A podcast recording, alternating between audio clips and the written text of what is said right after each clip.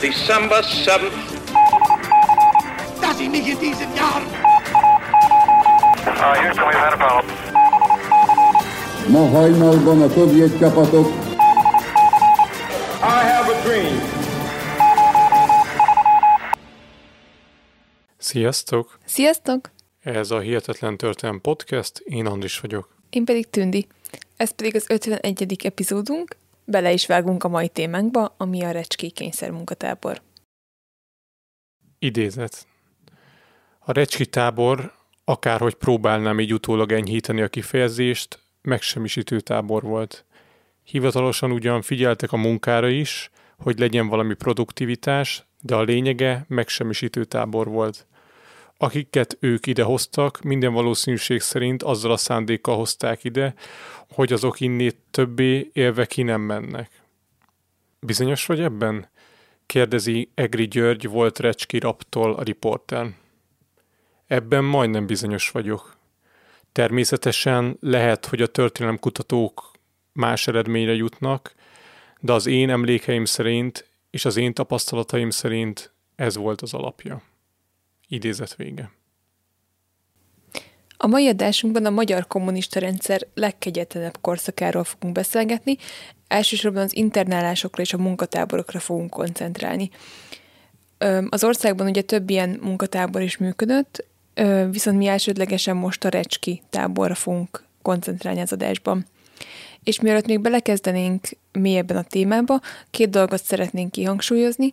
Az egyik az, hogy sok visszaemlékezést és idézetet fogunk használni, annak érdekében, hogy azoknak az embereknek a szavaival, akik átélték ezeket a borzalmakat, jobban be tudjuk mutatni, hogy mik is történtek valójában. A másik pedig, hogy lehetséges, hogy egyesek számára felkavaró lehet egy-két részlet.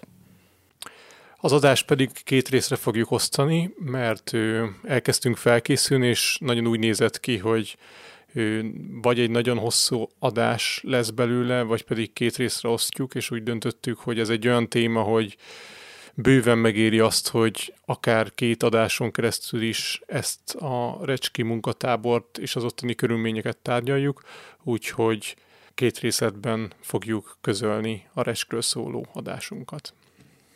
Az utóbbi adásokban többször is foglalkoztunk az 1945 utáni korszakkal, és azzal, hogyan vette át a hatalmat teljes mértékben a kommunista vezetés Magyarországon. Úgyhogy mai adásunknak nem célja az, hogy ezt az átalakulást és ennek a lépéseit ezt sorra vegyük. Ugye a kék cédulás választásokról szóló adásunk már előrevetíti elég részletesen azt, hogy mi történt itt pontosan, és és hogy mi várható 1947-48 után az országunkban. Ha csak pár szóban kellene felsorolni, mi volt ezekben az években, akkor a rövid felsorolás az nagyjából úgy néz neki, hogy számos kitelepítés volt, az állítólagos osztályidegeneket mind perbefogták, koncepciós perek zajlottak, a pártrendszer totális leépítése megtörtént, és a korábban szövetséges szociáldemokraták, tehát akik a kommunistákkal korábban szövetségben voltak, ők is ellenséggé váltak, úgyhogy velük is le kellett számolni. A történészek öt pontban fogalmazták meg azokat a támadásokat, amik a szovjet megszállást követték. 1945-46-ban először a háborús bűnösöket és a német nemzetiségűeket vették elő, majd őket követték a volt hortista katonák és a horti rendszerhez köthető szereplők. Ezután jött a független kisgazdapárt és a parasztpártok szétzúzása, majd következtek a korábban a kommunistákkal szövetséges szociáldemokraták, végül pedig azok a kommunisták, akik kegyvesztetté váltak, vagy Rákosi ellenséget, vagy pedig kihívót látott bennük. Ahhoz, hogy szovjet mintára kiépíthessék a magyar gulágot és gupfit, nagyon fontos volt a hírhet államvédelmi hatóság, vagyis az ÁVU átalakítása. Itt nem megyünk most bele a részletekbe, de lényegében az történt, hogy az ÁVU 1948-ban átalakult AVH-vá, vagyis államvédelmi hatósággá. Ennek az új hatóságnak az volt a különlegessége, hogy gyakorlatilag több lépcsőfokban egy teljesen önálló és önbíráskodó szervé változott, ami végül teljesen függetlenedett a belügyminisztériumtól, és közvetlenül a miniszter tanács alá tartozott, vagyis azt a pártvezetők közvetlenül irányították. Ez pontosan azt jelentette a gyakorlatban, hogy az AVH elsőfokú hatósági jogkört kapott, vagyis bárkit elítélhetett, internálhatott és munkatáborba hurcolhatott, vagy akár rendőrhatósági felügyelet alá is vonhatott, például börtönbe vethetett, anélkül, hogy bármilyen bírósági döntés született volna az ügyben. Tehát még egyszerűbben fogalmazva, tulajdonképpen azt csináltak, amit akartak, tehát bárkit indok és tárgyalás nélkül bebörtönzhettek, vagy munkatáborba kényszeríthették. Sok esetben még azzal sem fáradoztak, hogy kiállítsák az internálásról szóló határozatot, tehát mindenféle papír nélkül tartottak egyeseket börtönben, tehát nem is kellett nekik ezt dokumentálni sem. Az pedig, hogy milyen nonsens vádakat hoztak fel az áldozatok ellen, azt majd, majd erről, még, erről még szó fog esni.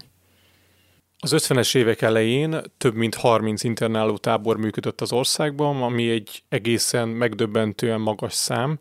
Ezek közül sok nem is ismert annyira, és meglepődnétek, hogy hány ilyen jellegű tábor létezett az országban.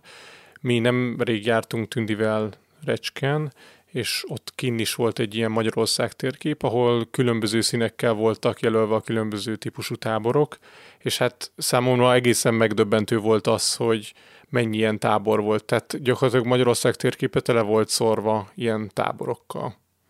És ugye a legismertebb táborok nevét alig, hanem az emberek többsége ismeri, vagy már hallott róla, de nagyon sok olyan tábor van, ami, hát hogy úgy fogalmazzak, feledésbe merült. Csak hogy a legjelentősebb helyeket felsoroljuk, Kistarcsa, Recsk, Tiszalök, Kazincbarcika, Hortobágy, például a Hortobágyon is voltak ilyen kis méretű táborok, és például ha a 9 lyukú hídnál jártok, akkor ott a környéken lehet erről orva, olvasni, ebbe is teljesen véletlenül futottunk bele egyszer egyébként, amikor arra jártunk. Aztán volt még Bernát kúton, Mária Nosztrán, Bácon, Megyeren, Oroszlányon, Inotán, Tatabányán, és még nagyon hosszan lehetne sorolni, hogy hol voltak ilyen táborok. Összesen tehát több mint 30 ilyen jellegű hely volt az országban. Ezekben az években több tízezer embert csuktak le, internáltak vagy vittek el munkatáborokba. Az internálási rendszer 1950 és 53 között élte a fénykorát, és az, hogy mi történt pontosan ezekben a táborokban, az sok esetben a mai napig rejté, mert kevés dokumentum áll rendelkezésre, tehát nem dokumentálták kellőképpen a történéseket, vagy pedig megsemmisítették ezeket a dokumentumokat. Minden esetben nem áll rendelkezésre túl sok dokumentum, hogy rekonstruálni tudjuk azt, hogy pontosan mik történtek ezekben a táborokban.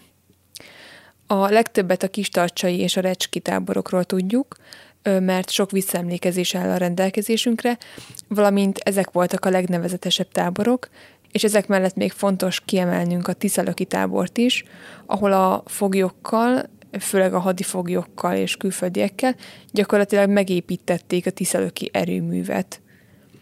Ami érdekesség egyébként, hogy itt volt egy táborlázadás is, de ezt most a mai adásunkban ezt nem nem részletezzük, viszont nem kizárt, hogy majd lesz később erről is egy adás.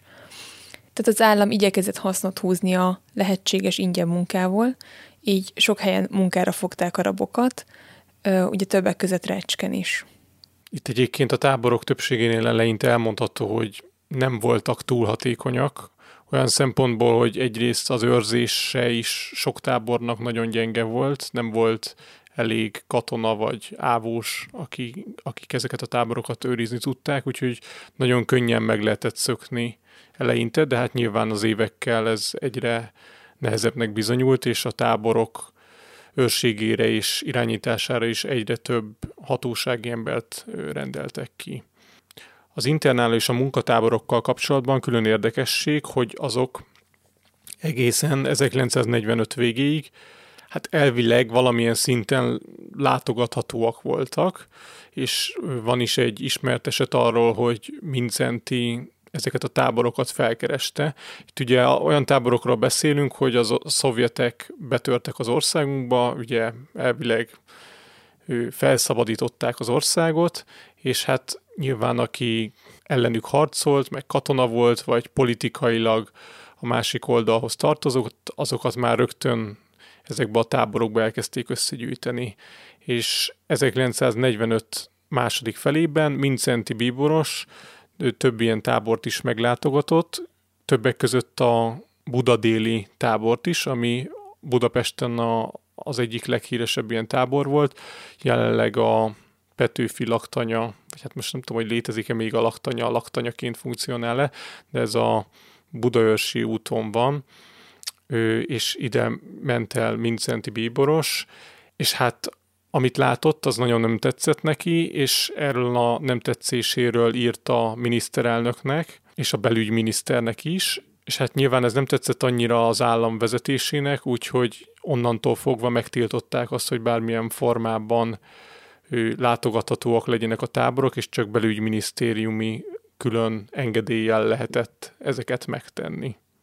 Itt zárójelesen teszem hozzá azt, hogy akkor még Nagy Imre volt a belügyminiszter, tehát ő hozta ezt a rendeletet, ami tiltotta azt, hogy a táborokba külsősök, vagy akár Mincenti bíboros bejusson, és úgy hát megfogalmazza azt, hogy mégis milyen borzasztó viszonyok vannak ezekben a táborokban. Az pedig, hogy hogyan történt az internálási ügyek kezelése, arról jól tanúskodik Korpácsi Ferenc visszaemlékezése, aki 1949-ben egy rövid ideig az internálási ügyek központi szervének volt a vezető beosztottja. Ahogy ő leírta a bizottság munkáját, az szinte csak formális volt, mivel nem volt elég ember arra, hogy a több ezer internált ügyét részletesen kezeljék. Ugye ez mit is jelent a gyakorlatban? Hát tulajdonképpen azt, hogy anélkül, hogy részletesen megvizsgálták volna egy-egy internált ügyét, egyszerűen csak rányomták a pecsétet, hogy további fél évre internálják az illetőt. A papíron az volt a szabály, hogy 6 hónap a minimum internálási idő, és ezt követően pedig háromszor 6 hónappal meg lehet hosszabbítani a büntetést, összesen 24 hónapig. Tehát magyarán elvileg két évig lehetett volna valaki internál, de ezt nagyon sokszor nem tartották be, tehát sokszor ennél tovább is ö, internálás alatt állt valaki, vagy internált volt valaki. Tehát ezek nagyon sok esetben, mint amikről itt is fogunk beszélni, ilyen teljesen törvénytelenül mentek, úgymond, vagy hát nem vonatkozott rá, senki nem tartotta be ezeket a szabályokat gyakorlatilag. Korpácsi Ferenc így emlékezett vissza az internálásért felelős bizottság egy átlagos megbeszélésére. A bizottsági szolgálat ezredese kezébe vett egy ügyiratot, és anélkül, hogy megmutatta volna, olvasta. Kovács Dénes mérnök, angol kém. Az ügy bizalmas jellegére való tekintettel minden részletet elhagyok, hat hónap hosszabbítás. Rendben? Mi egyetértettünk. Kis Péter, francia kém, hat hónap hosszabbítás. Nincs megjegyzés? Én félénken megkérdeztem. Kémek, de miért engedjük meg, hogy összeesküvés szüljenek a táborban? Nem lenne jobb őket a bíróság elé küldeni, kémkedésért elítélni? A régi rendszertől örökölt öreg szakember mosolygott a bajusz alatt. Tudta, hogy a biztonsági szolgálat ezredese mit fog válaszolni nekem. Az kisé ingerült hangon a következőket mondta. Kérem százados, még nincs elegendő bizonyíték ahhoz, hogy a bíróság elítélje. Tudjuk, mit kell tennünk, térjünk át a következő ügyre. Jobb Zoltán trockista, hat hónap internálás. Kifogás? Tehát itt igazából ez látszik, hogy, hogy tulajdonképpen így kivizsgálás nélkül adtak plusz hat hónapnyi büntetéseket, és ezt így folyamatosan hosszabbították meg. Hát vagy így internáltak valakit. Tehát gyakorlatilag az internálást azokra használták, akiket nem tudtak bíróság elé citálni, mivel nem volt semmilyen bizonyíték arra, hogy ők elkövettek volna bármit is, ezért inkább csak egyszerűen internálták, így nem kellett bíróság elé vinni őket, nem kellett semmi bizonyíték, ők azt mondták, hogy ők a rendszer ellenségi, úgyhogy internálják őket. Ez azért is olyan ijesztő, mert itt tulajdonképpen tényleg esélyük sem volt ezeknek az embereknek. Tehát, hogy még, még manapság is előfordul olyan, hogy valakit ártatlanul küldenek börtönbe, vagy hogyha még nem is börtönbe, mert az egy viszonylag drasztikus dolog, de mondjuk ítélnek el, akár pénzbüntetésre, vagy ilyesmi. Tehát és sokszor ugye az ügyvédeken nagyon sok múlik, hogy ki tudják-e húzni a vádlatot a, az ítélet alól, vagy sem. De minden esetre itt nekik semmi esélyük nem volt. Tehát, hogy valaki rájuk mondta, és akkor onnantól kezdve ők nem tettek semmit. Aztán mindjárt látni fogjátok, hogy milyen indokokkal internáltak, vagy zártak börtönbe embereket. Azonban itt ennek a Korpács Ferencnek van egy másik története, ami szintén ezzel az internálási ügyel kapcsolatos. Ő visszaemlékezett egy olyan esetre, ami megmutatta azt, hogy kitartással és a szerelem erejével mennyi mindent el lehet érni, még egy ilyen lehetetlen és kegyetlen rendszer alatt is. Korpács elmondása szerint egy alkalommal egy nő kereste fel az államvédelmi hatóságot, azzal, hogy engedjék ki a férjét a börtönből. Korpács így írta le a helyzetet. Egy szép reggelen a minisztériumba érkezve azt látom, hogy az utat egy csontváz, de élő csontváz állja el. Szörnyű látvány volt. Zokogva, összekulcsolt kezekkel térdelt előttem az asszony a járdán. Kegyelem a férjemnek, kegyelem, mondta a nő. Hiába rimánkodott azonban a nő, Korpács csupán meghallgatta és elmondta a nőnek, hogy ki a felelős a férje internálás ügyében. A nő azonban nem adta fel ennyivel, megszerezte az ügyért felelős államvédelmi tiszt címét, és minden reggel a ház elé ment ennek a tisztnek, és könyörgőre fogta. Az ügy végül addig fajult, hogy a tisztnek már kezdett kínos lenni a szomszédjai előtt, hogy minden reggel, amikor kilépett a házának az ajtaján, egy térden álló nő fogadta, aki térden hátrált a járdán egészen a tisztnek a kocsiáig, és amikor az beszállt a kocsiba és el akart hajtani a munkájába, akkor a kocsi elé feküdt ez a nő. Végül Korpács Ferenc is meglepődött azon, amikor ez a bizonyos tiszt feladta a kitartó feleség elleni küzdelmet, és ahelyett, hogy a nőt is internálták volna, intézkedtek, hogy engedjék ki a férjét. Ez a szerelmes feleségről szóló történet azonban sajnos egyáltalán nem volt jellemző, tehát nem lehetett csak úgy elérni azt, hogy kiengedjék az embernek a rokonát. Ez nem is tudták a rokonok általában, hogy hova tűnt, vagy hol lehet a szerettük. Úgyhogy ez a ritka esetek egyik, amikor ez sikerült.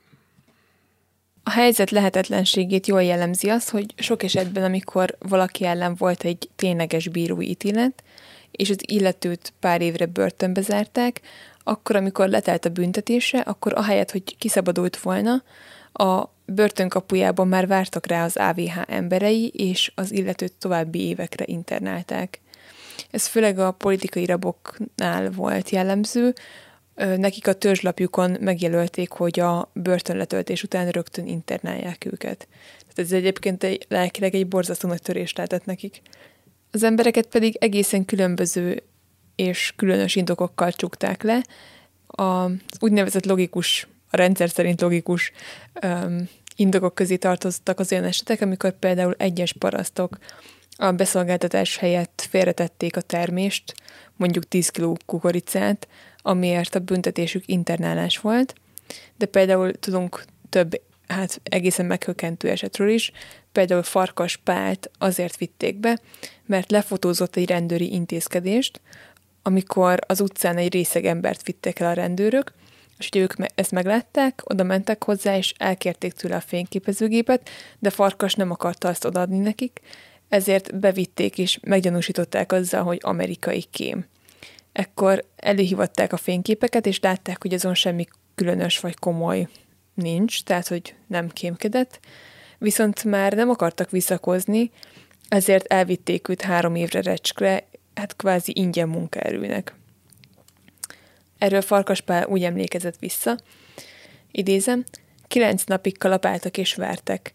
Azért vertek, hogy nem vallottam be semmit, de miután bevallottam, amit akartak, akkor meg azért vertek. Párodással korábban beszéltünk a budapesti fegyveres ellenállásról, és az adás végén beszéltünk arról is, hogy akik ellenállók voltak, ők mire számíthattak azután, miután bejöttek a szovjetek, és átvették a hatalmat, vagy legalábbis ott az irányítást, és a budapesti ellenállók közül nagyon sokról elmondható, hogy a nyilas börtönben is ültek, és a szovjetek börtönében is. Tehát az egyik rap például arról írt, hogy abból a 12 fiatalból, akikkel együtt rabaskodott a nyilasok börtönében, azok közül a Rákosi korszakban heten ültek, öten voltak recsken, és ketten különböző börtönökben. Ők azért nem recsken voltak, mert akkor még nem volt recsk, amiket, amikor őket börtönbe zárták. Tehát tulajdonképpen itt nem igazán arról volt szó, hogy ténylegesen politikai nézetek alapján ítéltek el embereket, hanem tulajdonképpen bárkit elítélhettek, hiszen aki az egyik rendszerben is rab volt, és a másikban is, ott valószínűleg nem a politikai nézetei voltak a döntőek, hanem valószínűleg veszélyesnek vagy fenyegetőnek tartotta a rendszer ezeket az embereket. Igen, így van pontosan. De nézzük, hogy még milyen esetek voltak. Volt például olyan, akit azért vittek el Recskre, mert az utcán leköpte Stálin és Rákosinak a plakátját, amit látott egy 5-6 év körüli gyerek, aki azt elmondta a szüleinek, és a szülei pedig feljelentették az illetőt. Ezeknél az eseteknél voltak azért jóval elrugaszkodottabb helyzetek is, például Faludi György híres költő volt Recski Rab, megírta visszaemlékezéseit a Pokolbéli Víg napjaim címmel, ebből a könyvből többször is fogunk idézni az adás során, és ő ír például egy Tóth Zoltán nevű meteorológusról, akit mindenki csak északkeleti betörésnek nevezett a Recski táborban. Őt például azért csukták le, mert egy meteorológiai jelentésben azt írta, hogy lágy nyugati szellők várhatóak, míg a következő két napban északkeletről a Szovjetunió irányából fagyos légrétegek betörését jósolta. Másnap letartóztatta az ávó a meteorológiai jelentésbe csempészett imperialista propaganda és kémtevékenység címén, és pár nappal később az is kiderült, hogy Tóth Zoltán, tehát a meteorológus szerencsétlenségére nem tudott arról, hogy, hogy abban a két fagyos napon, amit ő megjósolt a jelentésében, azokon a napokon egy-egy szovjet hadosztály érkezett az országunkba. Egy Fazekas Gyula nevű férfit, aki civilben állatorvos volt, bevitte az ávó, és állítólagos barátairól kérdezgették, akiknek viszont még sosem hallotta a nevét. Ezt kitartóan hangoztatta is, és ezért három héten keresztül verték őt, míg egyszer csak egy százados lépett a kínzókamrába, és kijelentette, hogy sajnálatos módon összetévesztették őt egy másik Fazekas Gyulával, Viszont az ávósok már nem akarták ilyen rossz állapotban, hát nyilván a verések hatására nagyon rossz állapotba került szerencsétlen, nem akarták így szabadon engedni, ezért az lett a megoldás, hogy elküldték Recskre. És ami számomra még egy megdöbbentő dolog, és ezt most tudtam meg, hogy a recskre kerülők között volt olyan is, aki korábban rövid ideig az AVH kötelékében dolgozott, és amikor megkérték, hogy írja le az önéletrajzát, akkor kiderült, hogy a második világháború végén Németországban volt hadifogságban. És uh, amikor ez kiderült, akkor veréssel hamar meggyőzték arról, hogy ő valójában angol kém, és további veréssel azt is uh, bebizonyították, úgymond az illetőről, hogy mint zsebtolvaj tevékenykedett külföldön. Amikor az Andrássy út 60-ból átszállították a Kistarcsai internálótáborba, akkor megállt előtte egy AVH-s főhadnagy, és azt mondta neki, tudja maga, miért került ki most Kistarcsára? Mert Lenin elvtárs azt mondta, hogy inkább száz ártatlan lakoljon, mint egy bűnös szabaduljon. Faludi György könyvének egyik legszórakoztatóbb része, minden szörnyűségével együtt, amikor az Andrássy út 60-ban történt vallatásáról ír, ahol a költő magát szórakoztatva kihasználta a vallatók műveletlenségét, és amikor amerikai kémtevékenységéről kérdezték, akkor ő így írta le az állítólagos két ügynököt, akik beszervezték. Az egyik akkoriban mintegy 40 esztendős lehetett erősen őszülő, bajszos, magas homlokú, ovális arcú, alkoholistának tűnő, középmagas férfi. Álmodozó tekintetűnek mondanám, aki bosztoni nyelvjárásban beszélt. Edgard Pó százados a neve. A másik, kissé hajlott vállú, kerekded arcú, zömök, fehér szakállú, jóságos külsejű idősebb férfi. Öltözködése hanyag és régies, Neve Walt Wittmann őrnagy. A kihallgató nem volt megelégedve a történettel, további neveket akart. Faludi ekkor döntött úgy, hogy Edgar Allan Poe és Walt Whitman költők mellett tovább kell emelni a tétet, és beleszűtte történetébe magát az ördögöt is, Belzebúbot. Micsoda felső kapcsolatai voltak még, kérdezték tőle. Az OSS székházban megismerkedtem Zebulon Edward Bubel hadnaggyal, Bubel hadnagy ortodox izraelita, ne zsidozzon nekem, bennünket nem érdekel a más ember vallása. Azért említem, mert ortodox lévén razzollal borotválkozik, következetesen erős kényszagot áraszt, ami egyik ismertetőjele. Egyébként többször járt Európában és Magyarországon is. Nem kell bemutatnia, nagyon jól ismerjük mi Bubel hadnagyot, de azért folytassa. Hosszúkás, intelligens arcú, villogó fekete szemű, kiálló pofacsontú, kékes arcbőrű fiatal férfi. Sántikával jár, alig ha nem lőcslábú. Nőtlen, sovány és nagyon okos ember. Többször jártam a lakásán. Ez csak egy részlete faludi vallomásának, akit érdekel a teljes történet, az olvassa el a pokolbéli vígnapokat. Egy bizonyos, hogy a fent említett három amerikai kémről még egyszer elkérték tőle a személyleírást, amit alig ha nem ki is küldtek a határőrposztokra, ha esetleg Edgar Allan Poe és Walt Whitman az ördög társaságában Magyarországra jönnének kémkedni, akkor mindenképpen elfogják őket a határon. Nyeste Zoltán így írt a lehetetlen indokú rabosításokról. Politikai fogoly voltam az Andrássy út 60-ban 1944 végén is, meg 1948-ban is. Szálasi meg Hitler és Rákosi meg Sztálin alatt is. És meg kell mondjam, a két társaság között nincs különbség. Az ávós nyomozók épp oly kegyetlenek voltak, mint a nácik és nyilasok, és fordítva. De egy különbség mégis volt. A náci nyomozók azt akarták tudni, amit elkövettem, kínoztak, de tényeket akartak. Az ávósokat nem érdekelte a valóság, nem arra vallattak, amit elkövettél, hanem azért kínoztak, hogy vállald el, amit ők kitaláltak. Egy előre kitalált, megtervezett, abszurd bűnt akartak a nyakadba varni. Ezt írta a visszaemlékezéseiben illetve megdöbbentő volt olvasni egy bizonyos Gábori György visszaemlékezését, aki arról írt, hogy Recsken összetalálkozott egy régi ismerősével, Dálnaki Miklós Lajossal, a korábbi miniszterelnök unokaöccsével, akivel korábbról is ismerték egymást, még a 23-as barakból. Ez a 23-as barak pedig nem máshol volt, mint a Dachaui koncentrációs táborban, tehát hogy ők többször is átélték a földi poklot az életük során.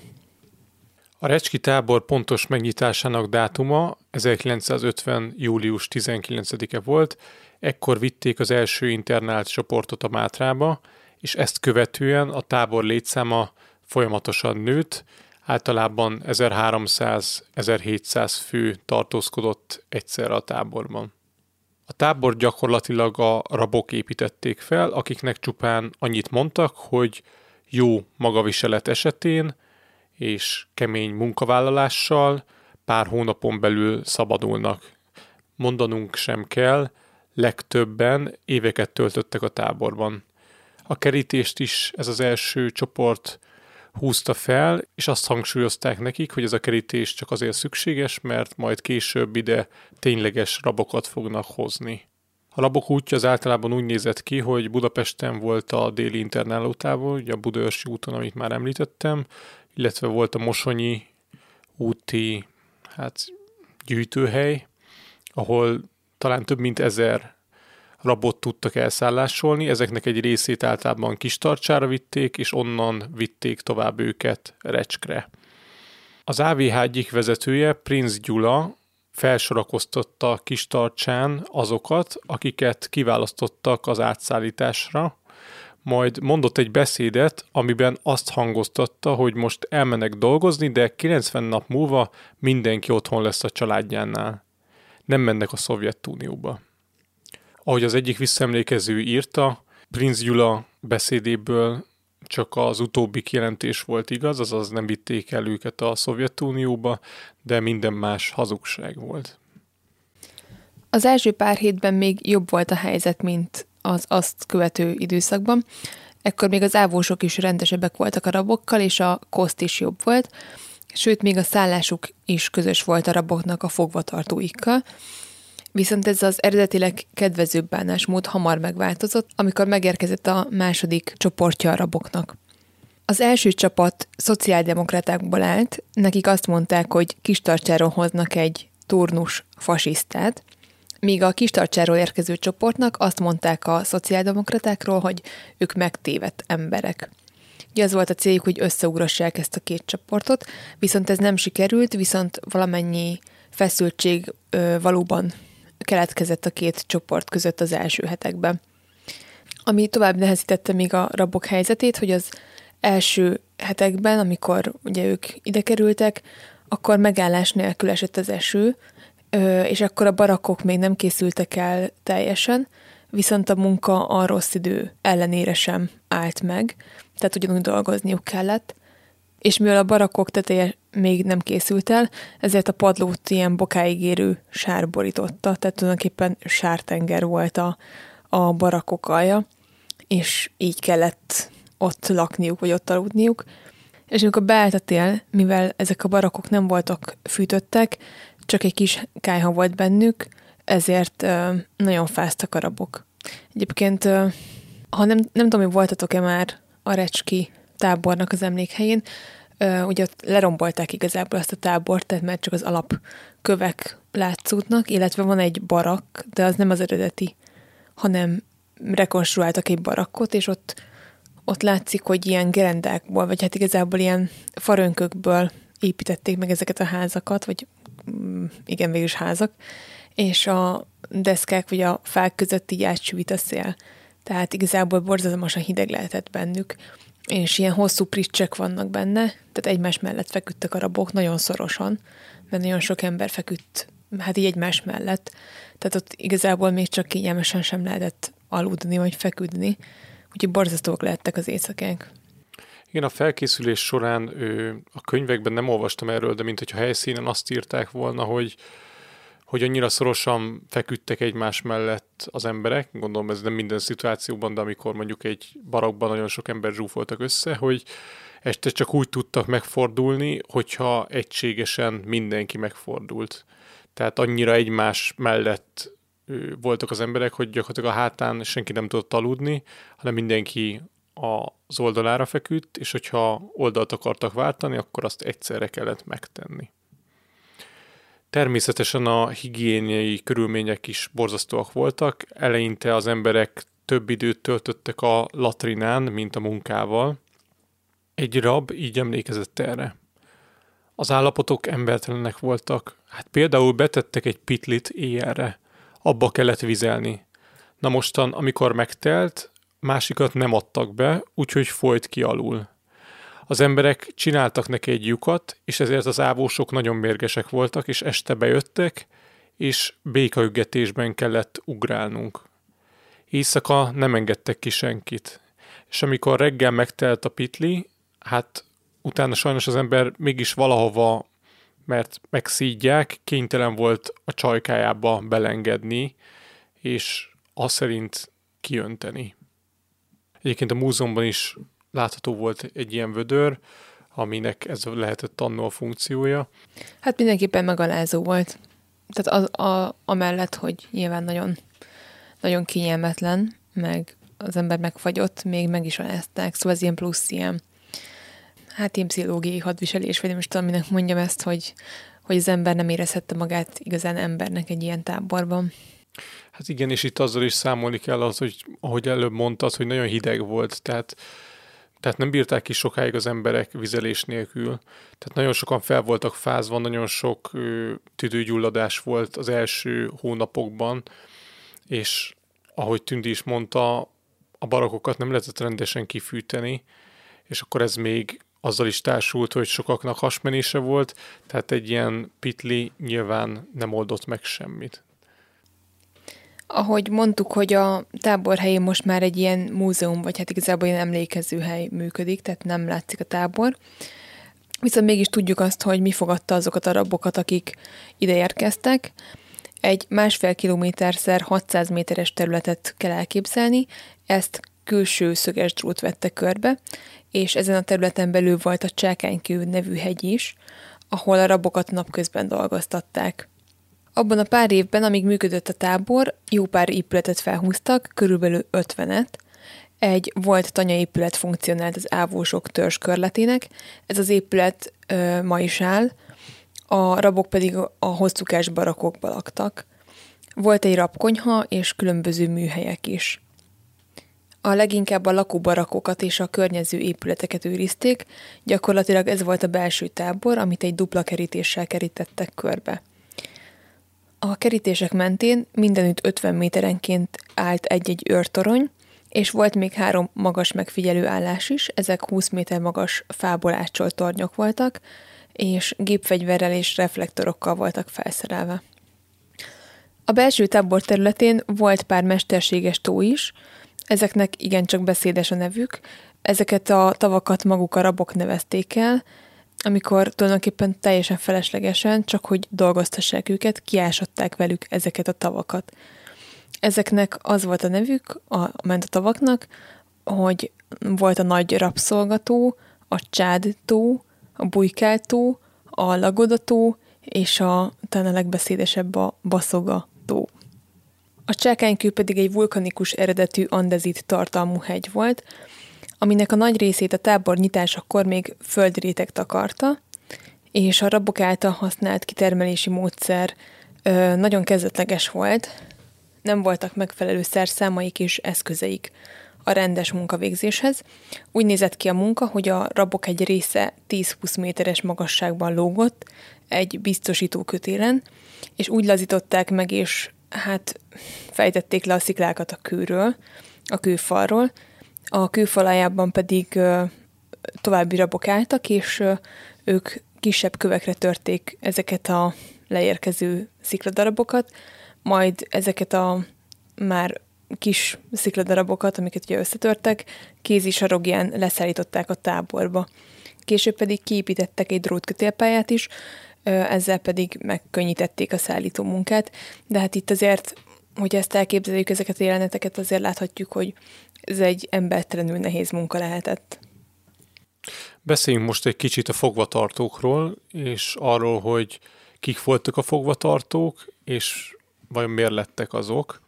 Sok esetben az mondható el ezzel kapcsolatban, hogy az AVH-n belül büntetésből kerültek oda az emberek, és a visszaemlékezéseket olvasva sokszor az volt a benyomásom, hogy a raptartók jó része nagyon fiatal volt.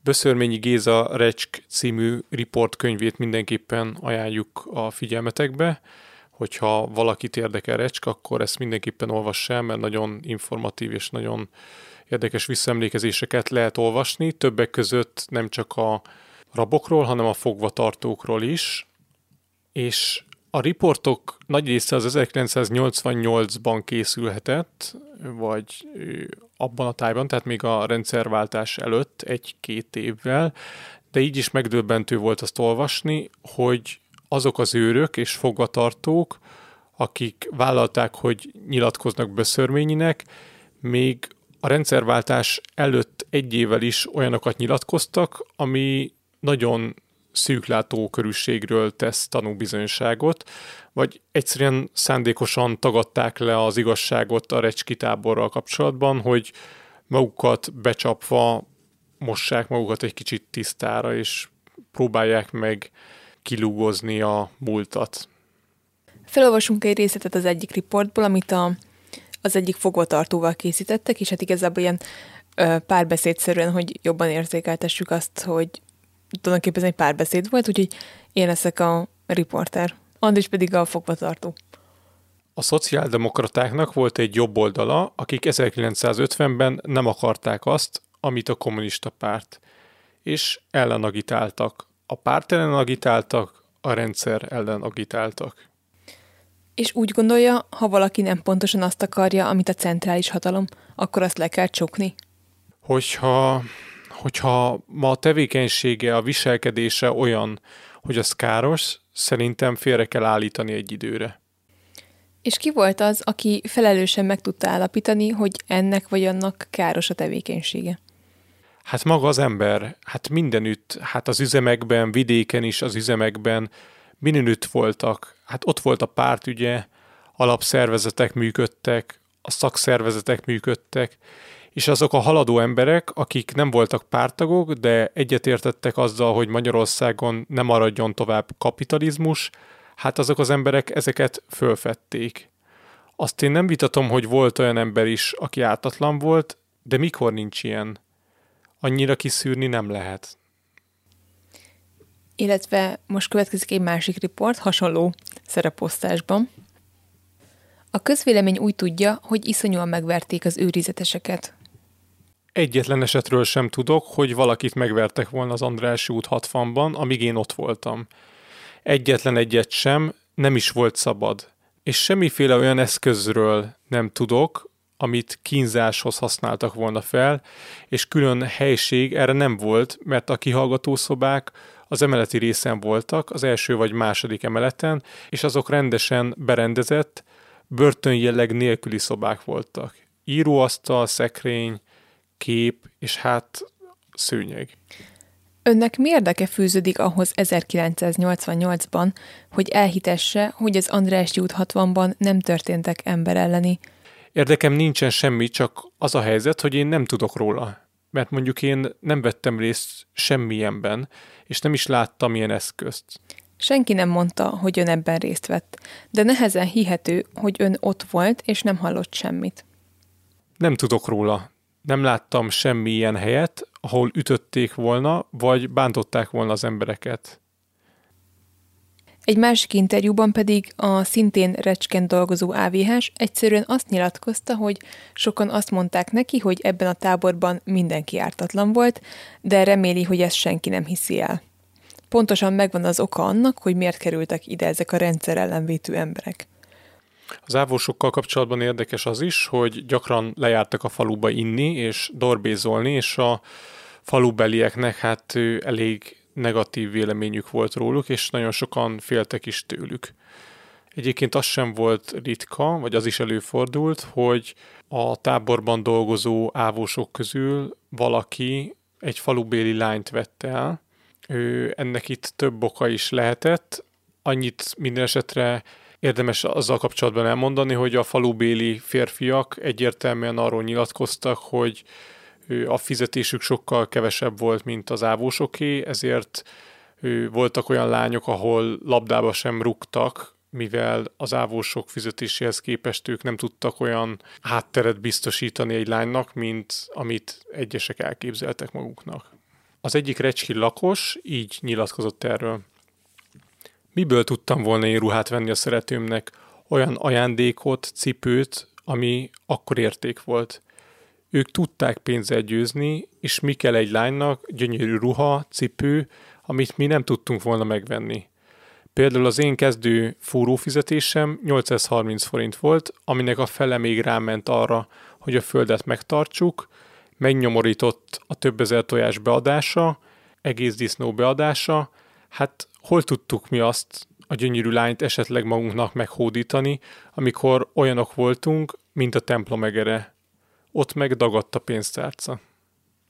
Illetve volt még egy egész groteszk eset, amikor a faluban arra lettek figyelmesek a lakosok, hogy hatalmas a bűz, és kiderült, hogy a kastély irányából jött, ahol az ávósok feltörték egy ősi család sírboltját, felforgatták a hullákat, és ellopták a koporsókból a, az aranyékszereket.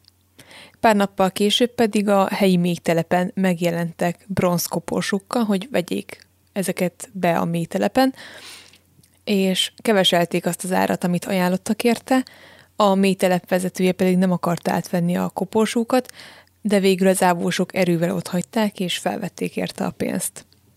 Tehát kvázi tényleg semmi nem volt nekik szent. A recski kocsmáros szerint, amikor a faluba hétvégén lejöttek az ávósok, tehát megjelent egy-két ávós, beültek a kocsmába, akkor akik már bent voltak vendégek, mondjuk 15 vendég, akkor hirtelen teljes lett a csend, és a 15 vendégből 10 rögtön hazament.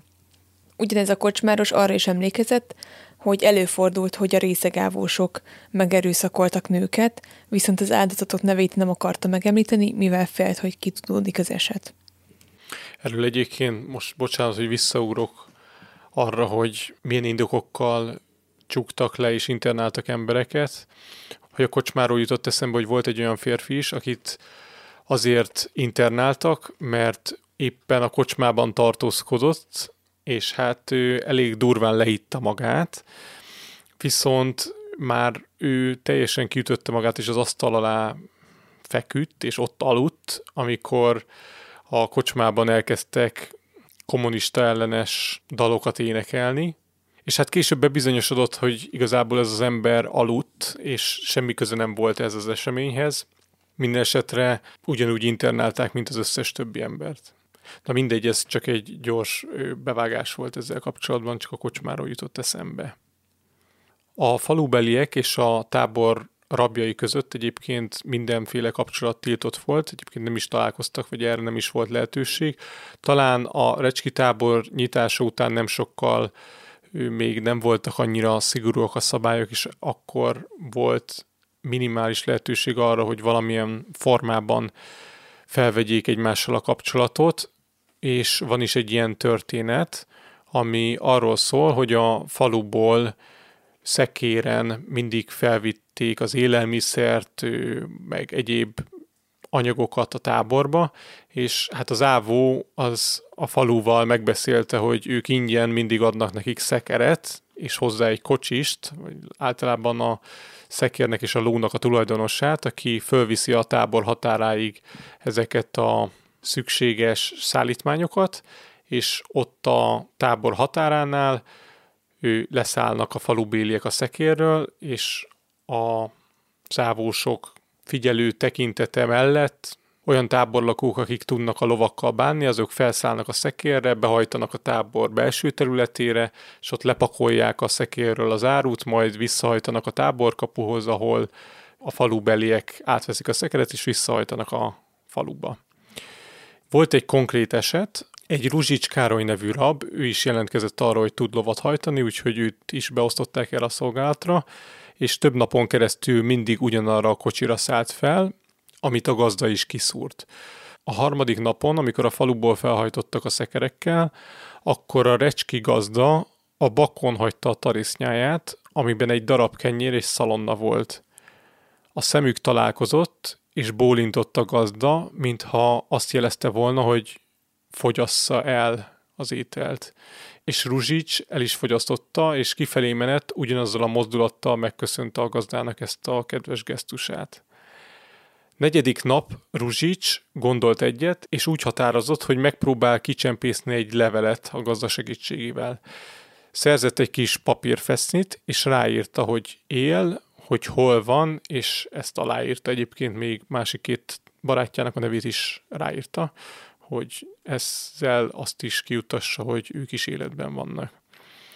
Amikor megérkezett a szokásos szekér, akkor a levelet berejtette a ló izzasztója és a szám közé, ahonnan nem tudott kiesni, és nagyjából takarásban is volt, úgyhogy az ávósoknak is csak nehezen tűnt volna fel, hogy mi történik pontosan. Ruzsics így nyilatkozott a kicsempészésről. Meg kellett a kapunál várni, még kinyitják. Néztem a tulajdonost, és elkezdtem ütögetni a lómarát, mintha simogatnám, és láttam, hogy bólintott. A szemével is jelezte, hogy érti. Mikor leszállt másnap a kocsiról, ugyanott a hámnál paskolta meg a lovat, majd pedig bólintott, amit úgy értelmeztem, hogy megtalálta a levelet. Szabadulásom után tudtam meg édesapámtól, hogy a levél megérkezett. Retorzió nem volt, nem hívtak a parancsnokságra, tehát nem jelentett fel, hogy levelet akartam kicsempészni, pedig ezzel alig, ha nem ő is bajba kerülhetett volna, mert ha én jelentem, ha én provokátor vagyok, abban az esetben ő is bekerül a táborba. Tulajdonképpen az utolsó pillanatban juttattam ki a levelet, mert a következő nap még mehettem hajtónak, utána már másokat vittek. Mert arra vigyáztak az ávósok, hogy nehogy kontaktus vagy bármi barátság, összefonódás létrejöhessen. És itt a riporter megkérdezte Ruzsicstól, hogy tudja hogy ki volt ez az illető, mire Ruzsics azt mondta, hogy sajnos nem, viszont a levél az megvan neki, és ebben a könyvben egyébként szerepel is beszkennelve, tehát el lehet olvasni, hogy mit írt pontosan a családjának, és egészen érdekes az, hogy ez az illető gazda, aki feladta Budapestre ezt a levelet, ő egy másik faluba ment át, és álnéven adta fel a levelet, hogy nehogy lebukjon, és mellékelt hozzá egy levelet, egyébként egy egész érdekes megfogalmazással, tehát látszódik, hogy nem egy, egy olyan emberről van szó, aki rendszeresen írna vagy levelezne, és ebben ilyen nagyon alázatosan megfogalmazta azt, hogy kedves orvos úr, vagy doktor úr, mert az kiderült, hogy egy doktornak ír, nagyon alázatosan és elnézést kérve leírt azt, hogy ezt a levelet kapta a Recski táborból, és hogy ne haragudjon, hogy ezzel zaklatja a doktor urat, de hogy ő ezt a levelet feladta neki. Tehát egy egészen érdekes, és ezek egyébként meg vannak beszkennelve. Szerintem az interneten is rá lehet találni egy egészen különleges történet. Sajnos azt már hát így felszínesen említettük, de most erre térünk rá, hogy a foglyokkal igazán kegyetlenül bántak a fogvatartók, ugyanis a rabtartók jelentős része igencsak jól érezte magát, hogyha vegzálhatta a rabokat, és ezeknek a vegzálásoknak nagyon sokféle formája létezett a táborban. Csak néhány példát fogunk említeni, minden esetet ugye nem tudunk felsorolni. Például léteztek a veszőfutások, amikor két sorban felállították a rabokat, mindenkinek a kezébe adtak egy botot, majd középen végighajtották azt a rabot, akit meg akartak büntetni, és azoknak, akiknél bot volt, nekik ütniük kellett ezt a rabot, hogyha valaki pedig esetleg nem ütött volna, akkor azt az ávósok ütötték. Volt arra példa, hogy egy ács a barakok építésénél dolgozott, és véletlenül levert egy lécet a tetőről, mire rögtön odaugrott egy őr, hogy bizonyára szabotálja ez az illető a munkát, és ekkor az őr ráparancsolt az ács szobaparancsnokára, hogy az pofozza fel a másikat, tehát hogy az ácsot, viszont az őr nem volt megelégedve a pofon erejével, ezért ráparancsolt az ácsra, hogy üssön vissza, és ez egészen 25 percen keresztül így ment, amikor az őr megunta, és, és befejezhették. A táborban volt egy 4x4 méteres és 2 méter mély ö, vizes gödör, ide csak létrán tudtak lemenni az emberek, kvázi mint egy pincébe, volt egy teteje is, és akiket megbüntettek, azokat ide zárták be négy-öt napra, és csupán naponta egyszer adtak le nekik enni. Ennek a gödörnek az alján megállt a víz, így a rabok bokáig érő vízben álltak hosszú ideig, akár egyébként télvíz idején is, tehát hogy itt a hidegben kellett átcsorogniuk. Az egyik rab visszaemlékezéséből pedig ezt tudjuk meg erről a gödörről. Amikor az ávósok elmentek a bunker mellett, azt sem tudták, ki van ott, vagy miért van ott, de leugrottak, és egy kicsit elszórakoztak vele. Hasba rúgták, megpofozták, csak úgy, azt sem tudták miért. Egy másik rab pedig így emlékszik vissza erre a gödörre. Barátunkat, egy mérnököt beledobták, vízben kellett állni neki egész éjjel. És akkor az ávósok oda mentek szórakozni vele, dobáltak rá követ, mindent, és felszólították, hogy jöjjön ki – Kijönni szinte már nem lehetett, ha lent volt az ember. Azért nagy nehezen fölmászott félig, akkor becsúszott. Akkor megint megkísérelte, a végén kezet is adtak neki, és kihúzták, és akkor az egyik ávós felszólította, hogy most letolom a gatyámat, és megcsókold a seggem. Ő borzasztóan szabadkozott, de hirtelen nem tudott mit tenni, hát megcsókolta az ávós fenekét, és erre őt visszarugták a gödörbe, mondván, hogy sáros volt a szája. Na, ez a barátom az egyik svájci kémiai koncern vezetője ma. Ezekre az esetekre 1988-ban nem pont így emlékezett vissza az egyik raptartó. Itt is megdöbbentő az, hogy ennyi év távlatából letagadta az illető, hogy valójában milyen volt a helyzet a táborban. Én ilyet nem láttam, hogy embereket vertek volna, vagy aggattak volna felfelé. Maga Recske nem látott felést? Nem. A táborban idővel létrehozták az úgynevezett büntetőbrigádot, és nekik egy külön barakot. Elvileg ebben a barakban helyezték el a legsúlyosabb vétkeseket, és azokat, akik állítólag szabotálták a munkát.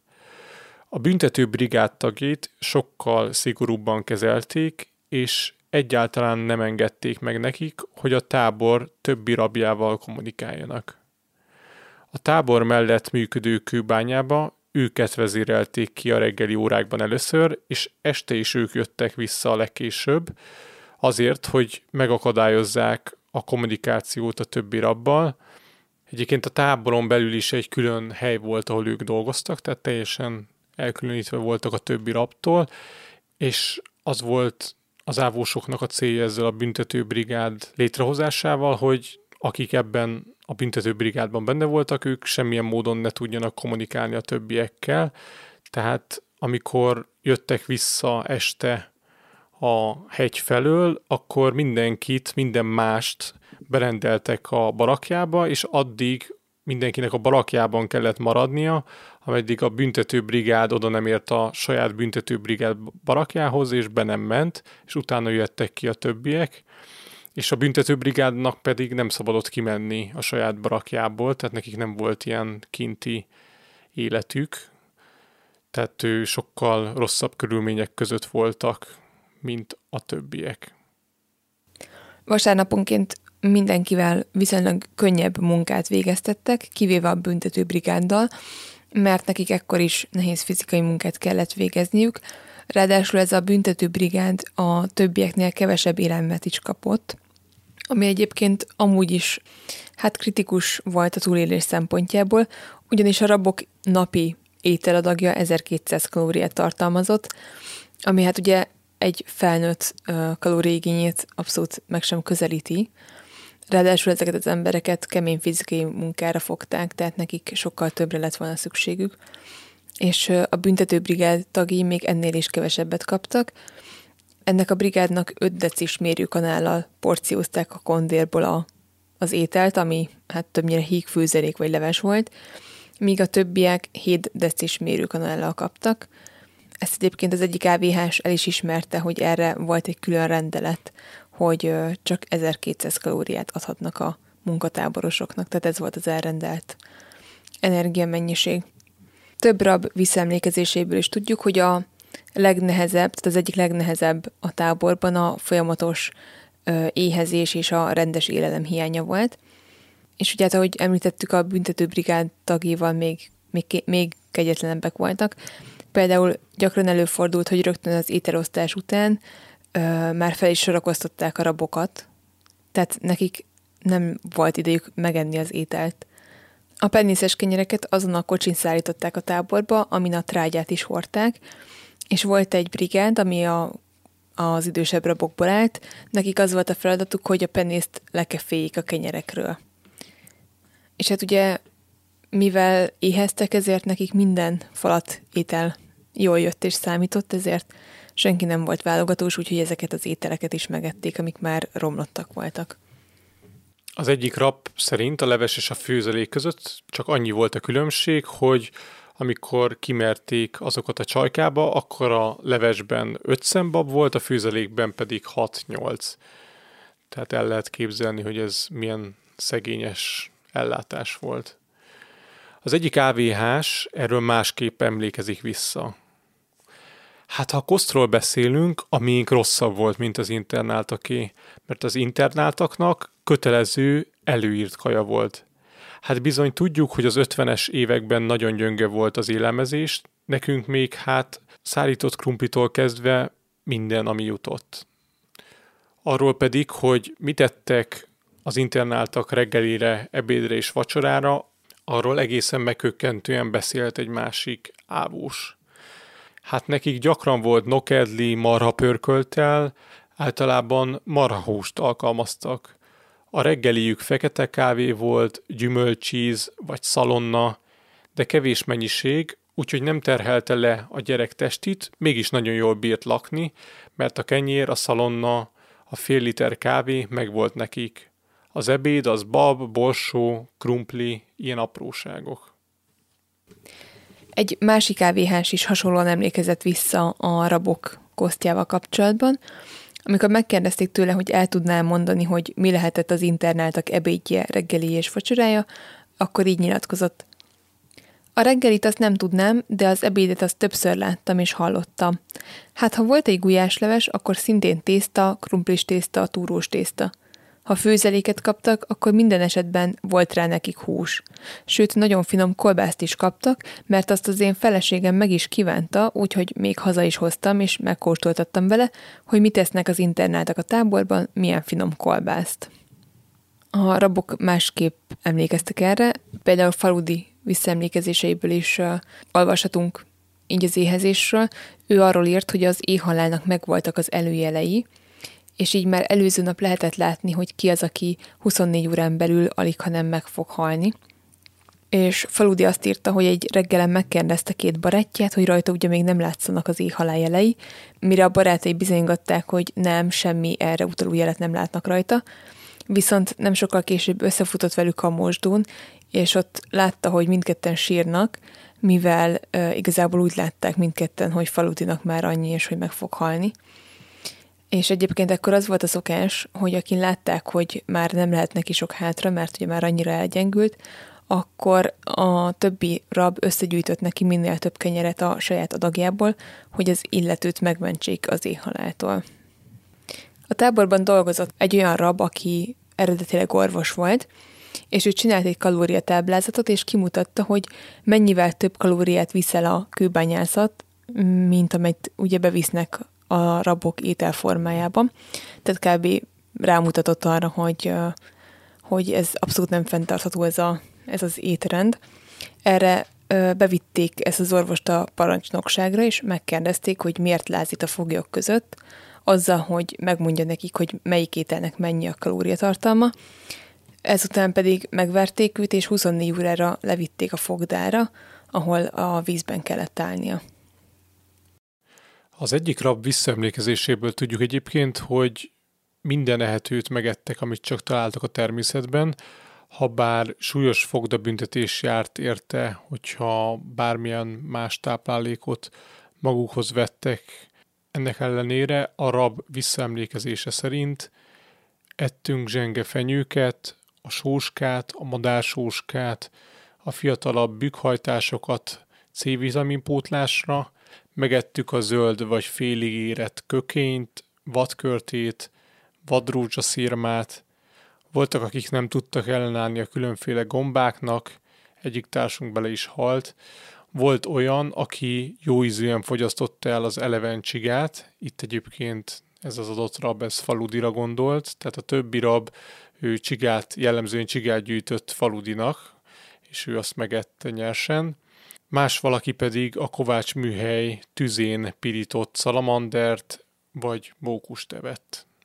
Azért, hogy minél kevesebb kalóriát használjanak fel a rabok napközben, azért külön módszerek alakultak ki arra, hogy hogyan lehetne minél kisebb energiabefektetéssel úgy csinálni a munkát, és úgy dolgozni a bányában, mint hogyha valójában nagyon keményen dolgoznának. Faludi például arról ír, hogy az első dolguk az volt, amikor kirendelték őket például fa kitermelésre, hogy a kétszemélyes fűrészt rögtön megfordították a fa vágásakor, tehát úgy, hogy az éle legyen fölfelé, és így gyakorlatilag órákig tartott egy fa átvágása. A borzasztó élelmezéshez borzalmas orvosi ellátás is tartozott. Egyrészt a rabkórház nagyon szerényen volt felszerelve, kevés gyógyszer állt rendelkezésre, és egyébként is nagyon be volt korlátozva, hogy kit vehetnek fel a beteglistára. Aki például a büntető brigádban volt, azokat alapból nem is lehetett levinni a gyengelkedőre, de a többiek esetében is csak nagyon indokolt esetekben engedték meg azt, hogy valakit levigyenek a kórházba.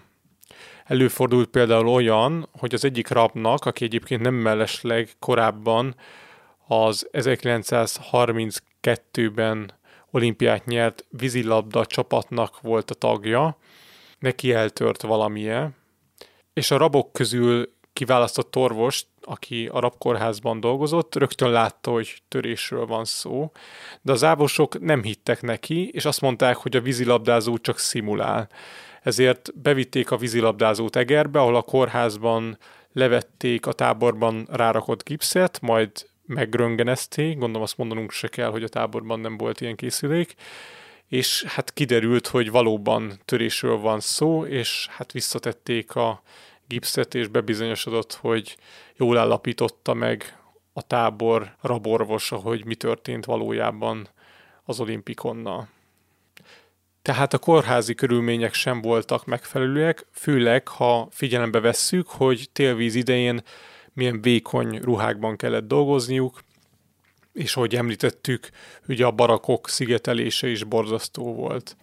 Arra gondoltunk, hogy mi most itt fejezzük be az első részt, és majd hamarosan jövünk a második résszel, amiben szó lesz majd arról, hogy milyen túlélési stratégiákat dolgoztak ki a rabok, szó lesz a besúgókról, szökési kísérletekről, és hát ott is lesznek olyan részek, amik megrázóak lehetnek, mert amúgy tényleg rengeteg egyetlenkedés zajlott ezekben a táborokban, viszont szeretnénk elmesélni majd egy-két olyan történetet is, amit kicsit meg lehet mosolyogni, hogy ne csak az emberi tragédiákat lássuk, hanem a táborlakók történetein keresztül megmutassuk majd azt is, hogy még az ilyen elképesztően embertelen és nehéz helyzetekben is meg lehet találni a reményt és az apró örömöket, mert az igazából mindenhol ott van. Úgyhogy köszönjük, hogy meghallgattátok ezt az adást. Nem kell sokat várnotok a második részre, tehát hamarosan jelentkezünk. Addig is vigyázzatok magatokra. Sziasztok! Sziasztok! A forrásokat megtalálhatjátok a leírásban, vagy a hihetetlen-történelem.simplecast.com-on. Kövessétek a Facebook oldalunkat is, a Hihetetlen Történelem Podcast Facebook oldalt, ahol három naponta jelentkezünk érdekes villámtörükkel. Örömmel fogadunk e-maileket is a hihetetlen gmail.com e-mail címen, hogyha esetleg kérdésetek, észrevételetek lenne az adással kapcsolatban. A podcastet megtaláljátok az Apple Podcast adatbázisában, Spotify-on, Google Podcasten és még sok más helyen is. Hallgassatok minket máskor is. Sziasztok! Sziasztok! Ha más podcastekre is kíváncsi vagy, hallgassd meg a Béton műsor ajánlóját. El tudod képzelni, hogy a podcastet, amit éppen most hallgattál, fél év múlva már a mesterséges intelligencia generálja? Mi sem. De ha érdekel, eljötte már a gépek lázadása. Hallgass bele az Embertelen podcastbe. Orsós Lajos vagyok, a műsor házigazdája. Egyelőre még élőben. Egyelőre. Fedezzük fel együtt, hogyan ismerkedik, randizik, mesél és vitatkozik Betty és Péter, két teljesen mesterséges intelligencia. Lajos, a podcast címét mond még egyszer, Léci. Oké. Okay. Embertelen podcast. Ez a műsor a Béton közösség tagja.